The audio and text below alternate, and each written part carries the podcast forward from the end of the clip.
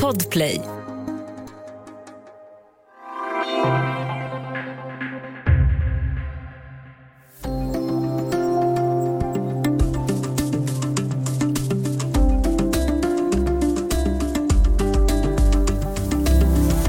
Vi är tillbaka i vardagen, de allra flesta av oss.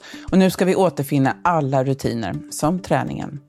Det är ju i alla fall i teorin rätt enkelt och lätt att dra på sig gympaskorna och ge sig ut och kuta. Men nästan lika lätt är det att dra på sig en skada. Hur kan man slippa det? Välkommen till Studio DN. Jag heter Sanna Thorén Björling.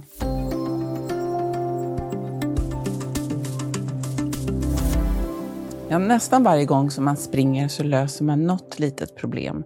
Eller stort. Det går mycket fortare än om man försöker tänka smart medan man samtidigt sitter stilla. Men har man otur så får man ju nya problem av att springa. Och med oss för att prata om löparskador har vi medicinreporter Anna Bratt. Välkommen! Tack! Du, eh, brukar du springa? Ja, jag, jag brukar säga att eh, jag försöker bli löpare. det gör jag. Det tror jag var blygsamt. Eh, du har ju skrivit om löparskador, det ska vi prata om nu. Det finns ju ett gäng, eh, men vem eller vilka är det som drabbas av löparskador? Ja, framförallt ska man vilja säga att det är ganska många som skadas. I den här studien som vi, ska prata om idag så ser man ju att nästan varannan drabbas av en skada. Och eh, man, kan, eh, man kan se att det egentligen är tre löpartyper som drabbas oftare. Bland annat så är det så, har man varit skadad tidigare så har man stor risk att drabbas igen. Mm. Men hälften, det är ju jättemånga. Eh, vi ska bena ut det här lite grann. Eh, att en nybörjare då som kör på alldeles för snabbt skadar sig, det är ju något som man brukar ofta säga. så. Men om man börjar då med de här andra, som är vana löpare och ändå skadar sig, varför händer det? Ja, det, då får man ju titta på de här tre löpartyperna eh, som då Eh, har, har, större risk att drabbas av skador och andra, än andra. Och det handlar ju som sagt dels då att man redan har varit skadad, men sen också om att man eh, kanske är lite svag i utsida lår, för det visar den här studien, att de drabbas oftare av skador, det är att man är svag i de så kallade höftabduktorerna. Eh, och sen eh, så handlar det också om de, att de som pronerar sent i löpsteget, de har en större risk att drabbas av skador. Och sen kan man också säga att de som kör på för hårt, det vill säga ökar träningsmängden för snabbt och hårt, de drabbas också oftare av skador. Mm. Du var ju lite inne på det här nu, men vilka typer av skador är, är vanligast? Ja, eh, om man ser Alltså generellt, om man tittar på den här studien då, så, och den tror jag eh, stämmer väl överens med annan forskning, det är ju att man drabbas oftast av skador i knän, vader, hälsenor och i fötterna. Och det gäller ju då båda könen. Men sen kan man också se att det finns en liten skillnad mellan könen. Att kvinnor kanske lite oftare får skador i, i höft och bäcken och även i hälsenor och fot än män. För männen, deras eh, vanligaste skade, skadeställe är i knäna. Mm. Och det är överbelastningsskador då av något slag? Ja, det, det, är, väl, det är väl den slutsatsen man, man får dra, att det är, mm. att det är så. ja. Nybörjarna då, de som går ut för hårt, är det, är det samma typer av skador de får? Ja, det tittar ju inte den här studien på, för det här är ju motionslöpare som springer lite mm. mer då. Men annan forskning då visar ju att, att det är ungefär samma skador. Eh, att, och, och liksom att det är framförallt skador i knän då kan man se, som man, i andra studier, att det är det vanligaste då, eh, över både mer erfarna och nybörjare. Eh, det finns också eh, någon studie som pekar på att, att eh, en, en skillnad är att de som är mer erfarna oftare får hälseneproblem än nybörjare. Du var lite inne på det här att om man är svag i lårmuskeln så påverkar det, då ökar risken för skador. Hur hänger det där ihop? Den här studien har inte tittat på det. Eh, men, det men det sannolika är ju att en stark eh, lårmuskel eller, eller höftabduktor, eh, att den helt enkelt gör att man klarar en högre belastning ner på knän och ben. Mm. Men en svår fråga här då är ju hur man ska veta vilken ökningstakt som är lagom om man vill Ja, det, det pratas ju mycket om att man ska sätta mål för sin löpning. Det är många som tycker att det är en sporre och så. Hur vet man hur snabbt det går att öka sin träningsmängd? Ja, om vi tittar på den här studien eh, så har de kikat just på det. Eh, de har tittat på träningsmängden, både, både volym och intensitet, eller mängd och intensitet. Och då ser man att eh, det optimala sättet att öka träningsmängden, det är att man ökar mellan 10 och 30 procent per vecka. Så att om man går, gör mer än, man ökar mer än 30 procent, då har man en ökad skaderisk. Så att runt 10 till 30, där mm. ligger en, en, liksom en lagom träningsmängd. Och eh, sen har man ju också tittat på då en, en, dansk studie som tittade på överviktiga som började träna. Eh, där handlar det kanske inte om ökningen, men där handlar det om att de som sprang totalt, som hade ett BMI över 30, det vill säga var, hade, var feta och sprang 6 km per vecka, hade mycket mer skaderisk, eller större skaderisk än om de sprang tre. Så även där finns ju den här tanken om att man måste bör, liksom, börja lugnt och försiktigt och öka försiktigt. Mm. Vi ska alldeles strax prata mer om hur man kan undvika skador.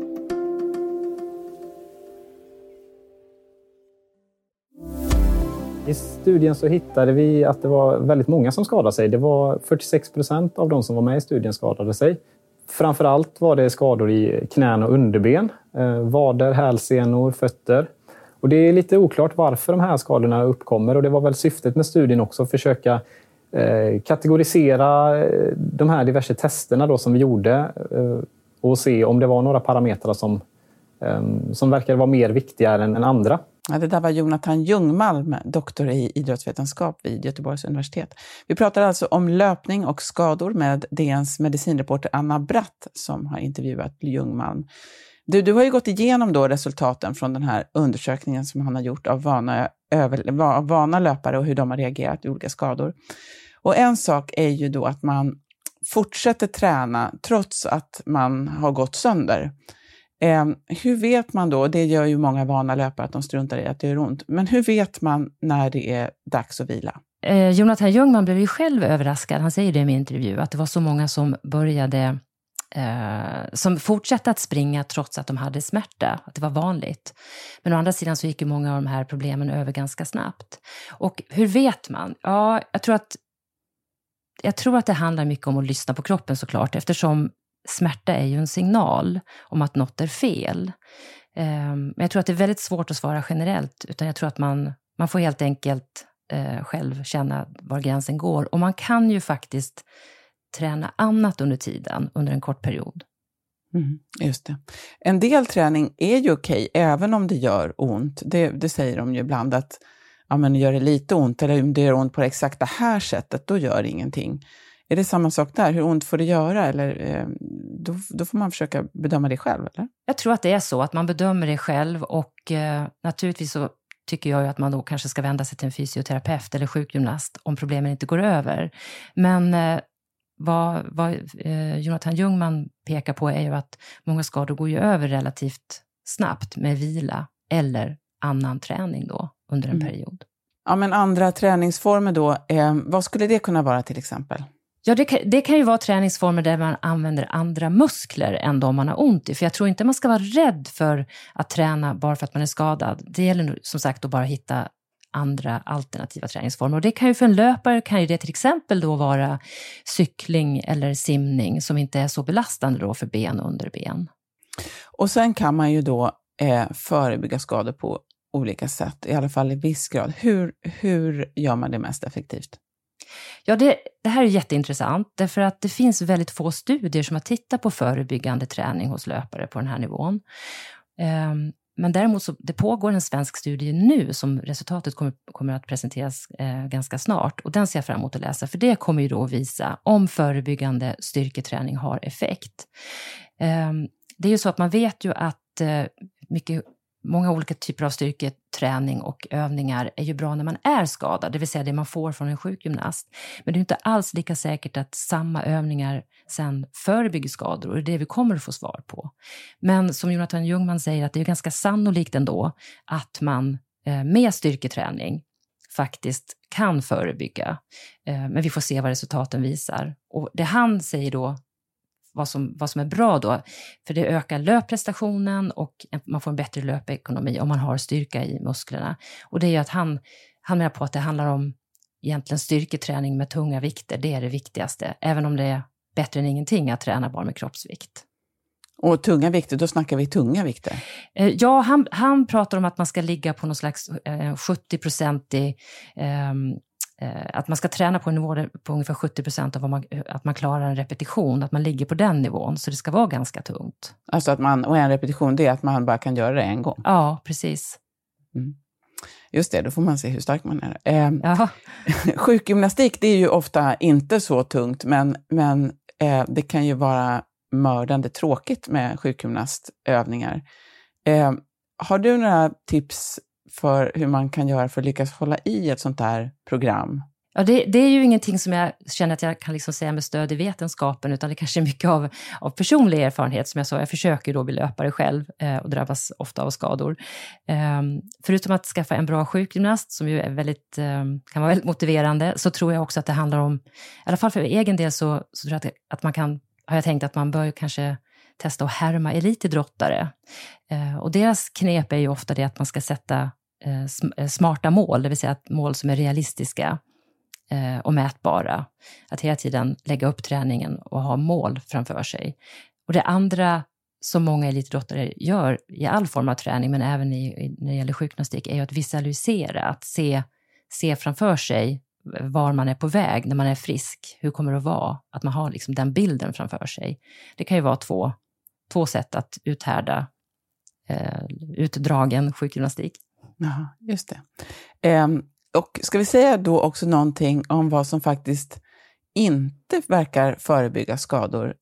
Ja, vad som inte fungerar, det, det man har tittat på, det är ju stretching, eh, som ju väldigt många gör. Eh, jag tror att många forskare skulle säga att det skadar inte, men det gör nog ingen nytta egentligen.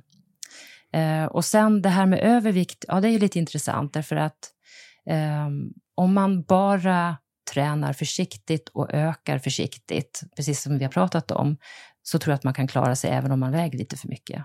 Hur rädd då ska man vara för att skada sig så att vi inte skrämmer bort eh, potentiella motionärer här? För det finns ju en del positiva skäl eh, att springa också, eh, förutom då att man kanske löser ett annat problem. Eh, kan du lite avslutningsvis säga några eh, bra saker med att ja, träna? Gärna. Um, ja, men om man tittar på risknytta, som vi, talar ganska mycket om nu för tiden, så, så, är ju nyttan av löpningen betydligt större än riskerna. Det vill säga, man, man uh, har ju så många hälsoeffekter av att bara ge sig ut. Och det handlar inte alls om att man ska springa fem kilometer direkt eller så. Uh, utan uh, att, att föra träningsdagbok, där man noterar så att man inte tar i för hårt, börja försiktigt, eh, så tror jag faktiskt att man kan, att man kan klara sig ganska långt och slippa skador. Mm. Och så allra sist då, brukar du, Anna, brukar du springa när det är kallt? För nu går vi in i en, en kyligare säsong här och snart blir det kallt. Det jag tycker, jag själv börjar tycka att det är, jag tycker inte om att springa när man kan halka och så. Brukar du göra det? Um, jag är försiktig för jag tycker att man märker verkligen hur pulsen går upp av kyla. Så att jag brukar komma till någon gräns där jag då faktiskt springer på löpband hellre. Mm. Och det har ju också att göra med att det är halt förstås mm. ute på vintern. Men jag tycker man, man kan springa i stort, sett i, i stort sett i alla väder. Bara man har rätt kläder. Just det, ut och spring. Tack så jättemycket för att du var med idag, Anna. Tack. Studio DN görs för Podplay av producent Sabina Marmelaka, ljudtekniker Patrik Miesenberger och tekniker Oliver Bergman, Bauer Media. Jag heter Sanna Thorén Björling.